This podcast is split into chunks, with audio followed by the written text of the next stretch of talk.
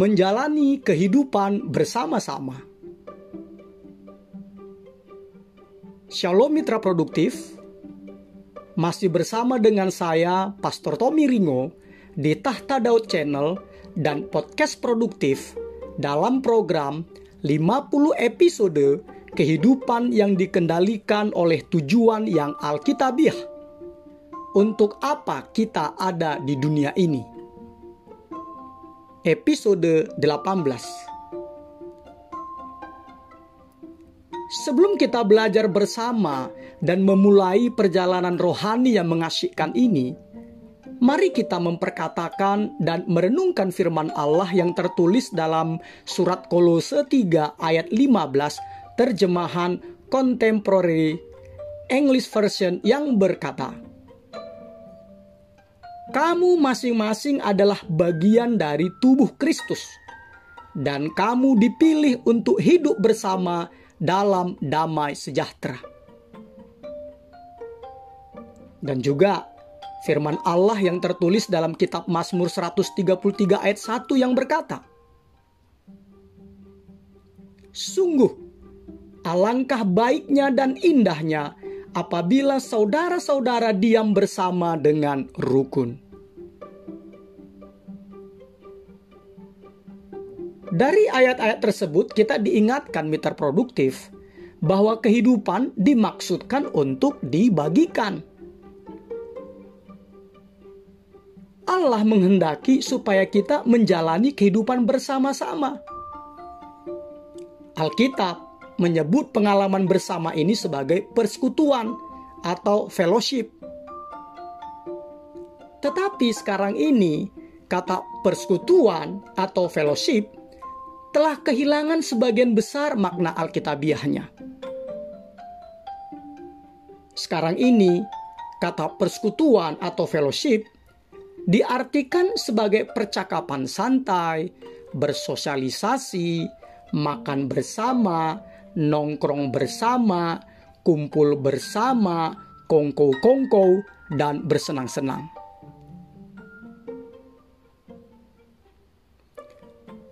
persekutuan atau fellowship yang sebenarnya jauh lebih dari sekedar muncul dalam kebaktian-kebaktian. Persekutuan yang sesungguhnya adalah menjalani kehidupan bersama-sama, termasuk mengasihi tanpa mementingkan diri sendiri, berbagi pengalaman dengan jujur, melayani secara praktis, memberi dengan berkorban, menghibur dengan penuh simpati, dan semua perintah saling lainnya yang terdapat di dalam Perjanjian Baru. Dalam persekutuan, ukuran itu penting dan berpengaruh. Lebih kecil, lebih baik. Anda bisa menyembah dengan kumpulan orang banyak, tetapi Anda tidak bisa bersekutu dengan mereka. Begitu sebuah kelompok menjadi lebih besar dari sekitar 10 orang, maka akan ada seseorang yang berhenti berpartisipasi. Ini biasanya adalah orang yang paling pendiam. Dan beberapa orang akan mendominasi kelompok tersebut. Yesus saja memulai pelayanannya dalam satu kelompok kecil murid. Padahal ia bisa memilih lebih banyak lagi. Tetapi Yesus tahu dan memberikan teladan kepada kita bahwa jumlah 12 orang adalah ukuran maksimum untuk sebuah kelompok kecil jika Anda ingin setiap orang berpartisipasi. Sama seperti tubuh Anda, tubuh Kristus juga adalah sekumpulan sel-sel kecil.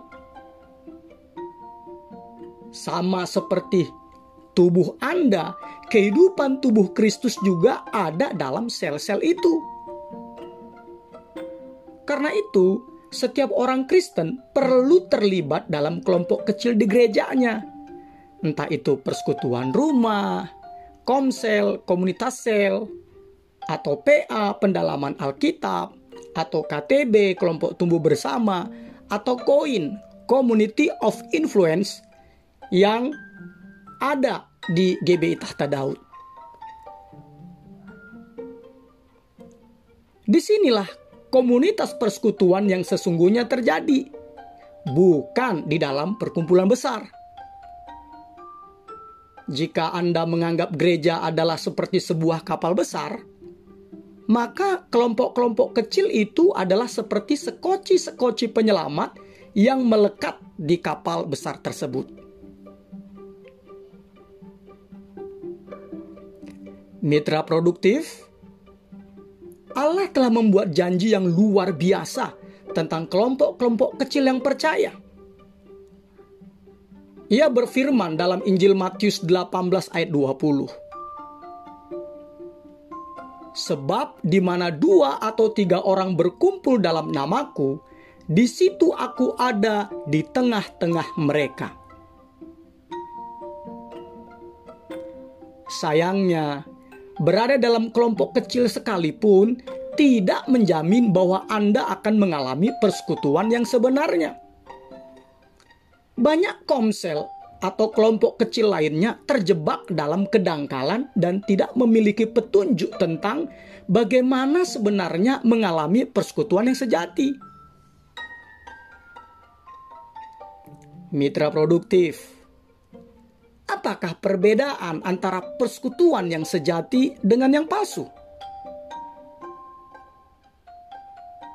Pertama,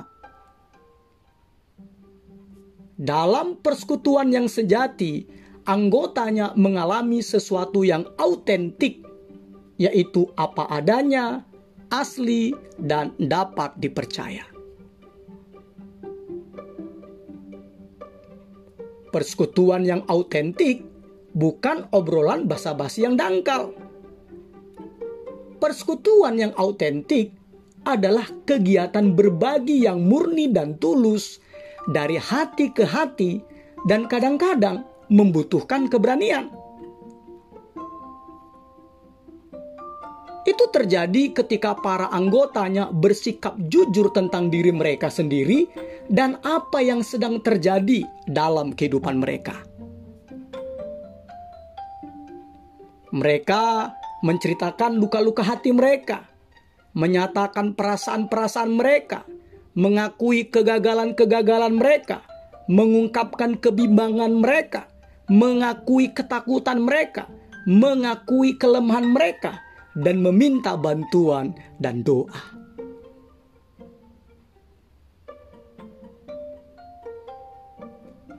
Autentisitas adalah kebalikan dari apa yang Anda temukan di dalam beberapa gereja bukannya suasana yang penuh kejujuran dan kerendahan hati. Yang ada justru kepura-puraan, sandiwara, permainan politik, dan sopan santun yang palsu dengan percakapan yang dangkal. Orang-orang memakai topeng, kedok, menggunakan tameng, dan bergaya seolah-olah semuanya baik-baik saja dalam kehidupan mereka. Sikap-sikap seperti itulah yang mematikan persekutuan sejati.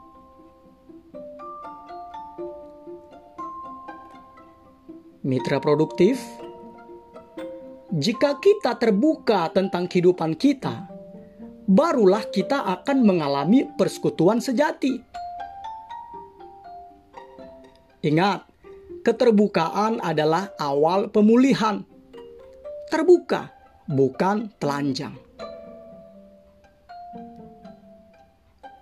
Orang-orang dunia mengira bahwa keakraban terjadi dalam gelap, yaitu menyembunyikan perasaan-perasaan, luka-luka hati, dan kesulitan-kesulitan mereka. Tetapi Allah berkata bahwa persekutuan yang akrab terjadi ketika diungkapkan di dalam terang. Itu di 1 Yohanes 1 ayat 7 sampai 8. Kegelapan itu dipakai untuk menyembunyikan sakit hati, kesalahan, ketakutan, kegagalan, dan kelemahan kita. Tetapi di dalam terang, kita membuka semuanya dan mengakui siapa diri kita sebenarnya. Tentu saja, keautentikan memerlukan keberanian dan kerendahan hati. Itu berarti menghadapi ketakutan kita untuk dibuka atau diekspos, ditolak, dan dilukai lagi. Mengapa orang mau mengambil resiko seperti itu? Ya, karena itulah satu-satunya jalan untuk bertumbuh secara rohani dan menjadi sehat secara emosional. Seperti firman Allah yang tertulis dalam surat Yakobus 5 ayat 16a, terjemahan The Message. Biasakanlah melakukan hal ini. Akuilah dosa-dosamu satu dengan yang lain dan berdoalah seorang untuk yang lain supaya kamu dapat hidup bersama dengan utuh dan sehat. Kita bertumbuh jikalau kita berani mengambil resiko. Dan resiko yang paling sulit dari semuanya adalah bersikap jujur terhadap diri sendiri dan orang lain.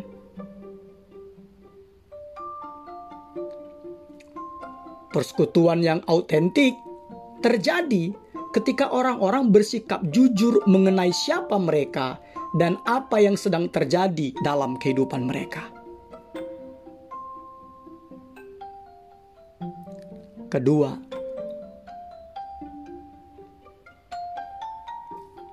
Dalam persekutuan yang sejati, orang-orang mengalami kebersamaan. Kebersamaan adalah seni memberi dan menerima. Itu berarti saling ketergantungan, seperti yang tertulis dalam surat 1 Korintus 12 ayat 25 terjemahan The Message cara Allah merancang tubuh kita adalah contoh untuk memahami hidup kita bersama sebagai sebuah gereja. Setiap bagian bergantung pada bagian yang lainnya. Kebersamaan adalah inti dari persekutuan. Membangun hubungan timbal balik, berbagi tanggung jawab, dan saling membantu seperti yang tertulis dalam surat Roma 1 ayat 12 terjemahan New Century Version.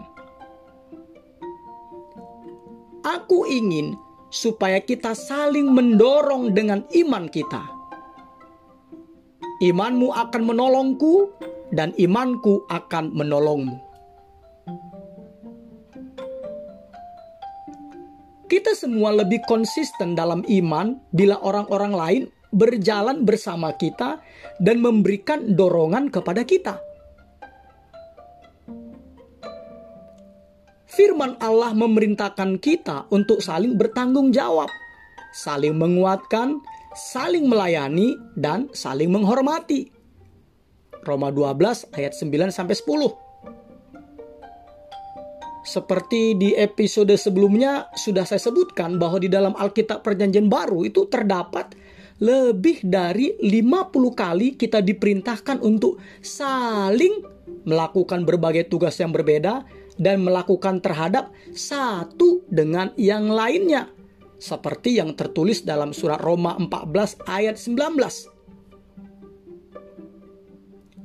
Sebab itu, marilah kita mengejar apa yang mendatangkan damai sejahtera dan yang berguna untuk saling membangun.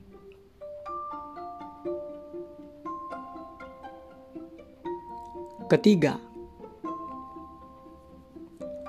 dalam persekutuan yang sejati, orang-orang mengalami simpati. Simpati bukanlah memberikan nasihat atau menawarkan bantuan cepat yang bersifat menutupi cacat, celah, atau kelemahan.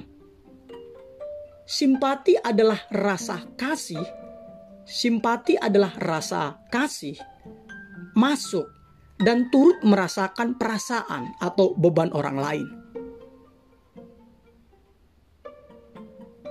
Simpati memenuhi dua kebutuhan dasar manusia: kebutuhan untuk dimengerti dan kebutuhan agar perasaan-perasaan Anda diterima. Setiap kali Anda memahami dan menerima perasaan-perasaan seseorang, sesungguhnya Anda sedang membangun persekutuan. Ketika Anda memusatkan pikiran kepada diri sendiri atau mengasihani diri sendiri, maka hal itu akan mengeringkan sim simpati Anda kepada orang lain.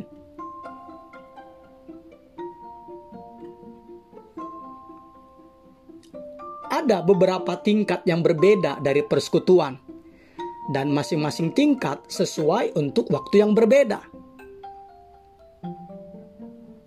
Tingkat persekutuan yang paling sederhana adalah persekutuan untuk berbagi pengalaman dan persekutuan untuk belajar firman Allah bersama-sama. Tingkat yang lebih dalam adalah persekutuan untuk melayani. Seperti ketika kita melayani bersama-sama dalam perjalanan misi atau proyek kasih. Seperti program hashtag Go Peduli yang ada di GBI Tahta Daud.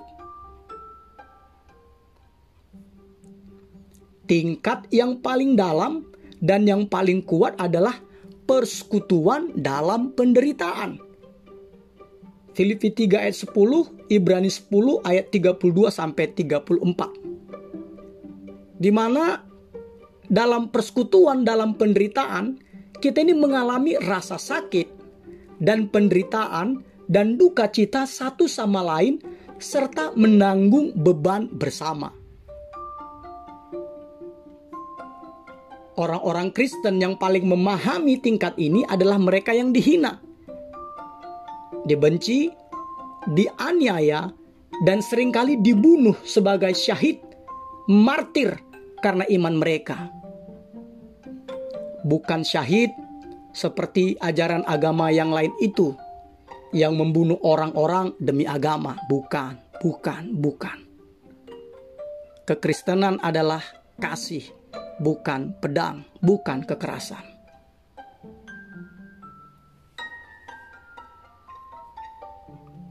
Firman Allah berkata dalam surat Galatia 6 ayat 2. Bertolong-tolonganlah menanggung bebanmu demikianlah kamu memenuhi hukum Kristus. Pada masa-masa krisis, susah, sedih, bimbang, dan berduka cita yang dalamlah kita paling membutuhkan dukungan. Ketika keadaan menimpa kita sampai kepada titik di mana iman kita mulai goyah, saat itulah kita paling membutuhkan teman-teman seiman. Kita memerlukan kelompok kecil. Kita memerlukan kelompok kecil teman untuk beriman kepada Allah untuk kita dan membawa kita naik melewati keadaan tersebut. Dalam sebuah kelompok kecil, tubuh Kristus nyata dan bisa dilihat kita merasa diperhatikan, meskipun kita merasa Allah itu jauh. Inilah yang sangat dibutuhkan Ayub selama masa penderitaannya. Seperti yang tertulis dalam kitab Ayub 6 ayat 14 terjemahan bahasa Indonesia masa kini. Dalam derita seperti ini, kudambakan sahabat sejati entah aku masih tetap setia atau sudah melalaikan yang maha kuasa.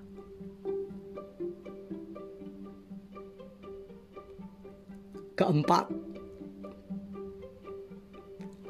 dalam persekutuan yang sejati, orang-orang mendapatkan belas kasihan. Persekutuan adalah tempat anugerah, tempat kasih karunia, di mana kesalahan tidak diungkit-ungkit tetapi dihapuskan. Persekutuan terjadi ketika belas kasihan menang atas keadilan. Kita semua membutuhkan belas kasihan, karena kita kadang tersandung dan jatuh, serta membutuhkan pertolongan untuk kembali ke jalur yang benar. Kita perlu saling memberikan belas kasihan satu sama lain dan bersedia menerimanya dari yang satu dengan yang lainnya. Seperti yang tertulis dalam surat 2 Korintus 2 ayat 7 terjemahan Contemporary English Version. Ketika seseorang berbuat dosa, kamu harus mengampuni dan menguatkannya supaya dia tidak menyerah dalam keputusasaan.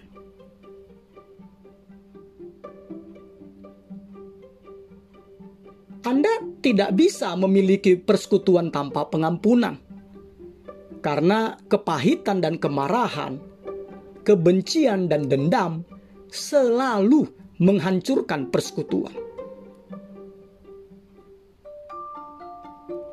Mitra produktif karena kita adalah orang-orang berdosa dan yang tak sempurna, kita pasti akan saling melukai bila kita bersama-sama untuk waktu yang cukup lama. Kadang-kadang kita saling melukai. Saling lagi ya. Kadang-kadang kita saling melukai dengan sengaja dan kadang-kadang tidak sengaja. Tetapi sengaja atau tidak, dibutuhkan banyak belas kasihan dan anugerah untuk membangun dan menjaga persekutuan seperti yang tertulis dalam surat Kolose 3 13 sampai 14. Sabarlah kamu seorang terhadap yang lain dan ampunilah seorang akan yang lain apabila yang seorang menaruh dendam terhadap yang lain sama seperti Tuhan telah mengampuni kamu, kamu perbuat jugalah demikian. Dan di atas semuanya itu, kenakanlah kasih sebagai pengikat yang mempersatukan dan menyempurnakan.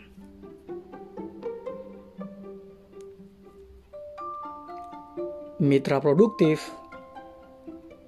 belas kasihan Allah kepada kita adalah motivasi kita untuk menunjukkan belas kasihan kita kepada orang lain. Ingatlah, Anda tidak akan pernah diminta untuk memaafkan orang lain lebih dari yang telah Allah berikan kepada Anda. Kapan pun hati Anda dilukai oleh seseorang, Anda harus membuat pilihan apakah Anda akan memakai energi dan emosi Anda untuk membalas dendam, ataukah untuk berdamai dan mencari solusinya? Anda tidak dapat melakukan keduanya secara bersamaan. Anda harus memilihnya, balas dendam atau berdamai. Banyak orang enggan menunjukkan belas kasihan karena mereka tidak mengerti perbedaan antara pengampunan dan kepercayaan. Pengampunan adalah melepaskan apa yang telah terjadi di masa lalu, sedangkan kepercayaan berhubungan dengan perilaku di masa depan.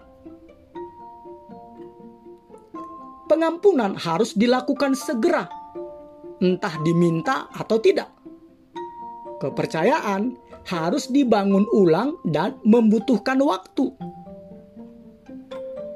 Kepercayaan menuntut riwayat kelakuan dan kinerja yang baik. Ketika orang-orang atau seseorang melukai Anda berulang-ulang, Anda diperintahkan oleh Allah untuk mengampuninya segera. Tetapi anda tidak diharapkan untuk terus membiarkan mereka menyakiti Anda. Mereka harus membuktikan bahwa mereka telah berubah dengan berlalunya waktu.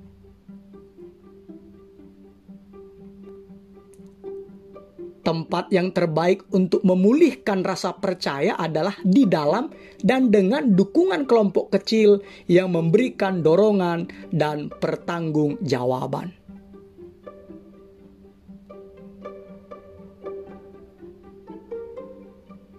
Mitra produktif, ada banyak manfaat lain yang akan Anda alami ketika menjadi bagian dari sebuah kelompok kecil yang berkomitmen melakukan persekutuan yang sejati. Itu adalah bagian yang sangat penting dari kehidupan Kristen Anda yang tidak boleh diabaikan. Lebih dari 2000 tahun orang-orang Kristen telah berkumpul secara rutin dalam kelompok-kelompok kecil. Jika Anda belum pernah menjadi bagian dari kelompok kecil atau kelas seperti ini, anda benar-benar tidak akan mengetahui apa yang Anda lewatkan.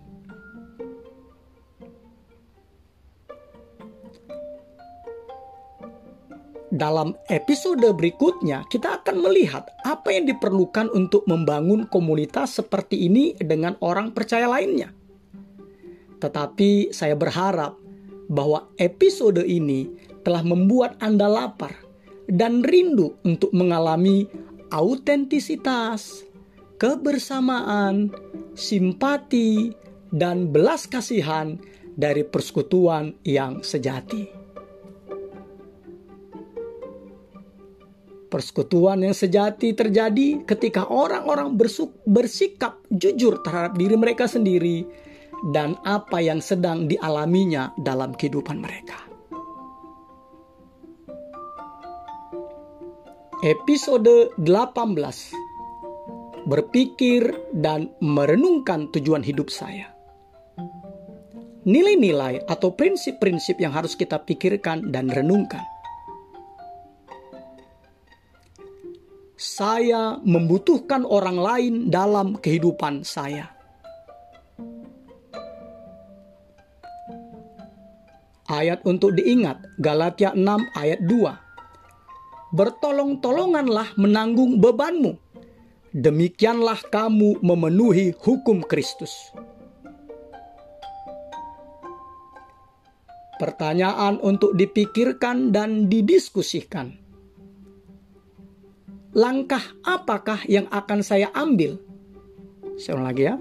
Langkah apakah yang akan saya yang saya akan ambil hari ini supaya saya terhubung dengan orang percaya lainnya pada tingkat yang lebih murni, tulus, dan dari hati ke hati. Immanuel, Allah menyertai kita mitra produktif. Amin.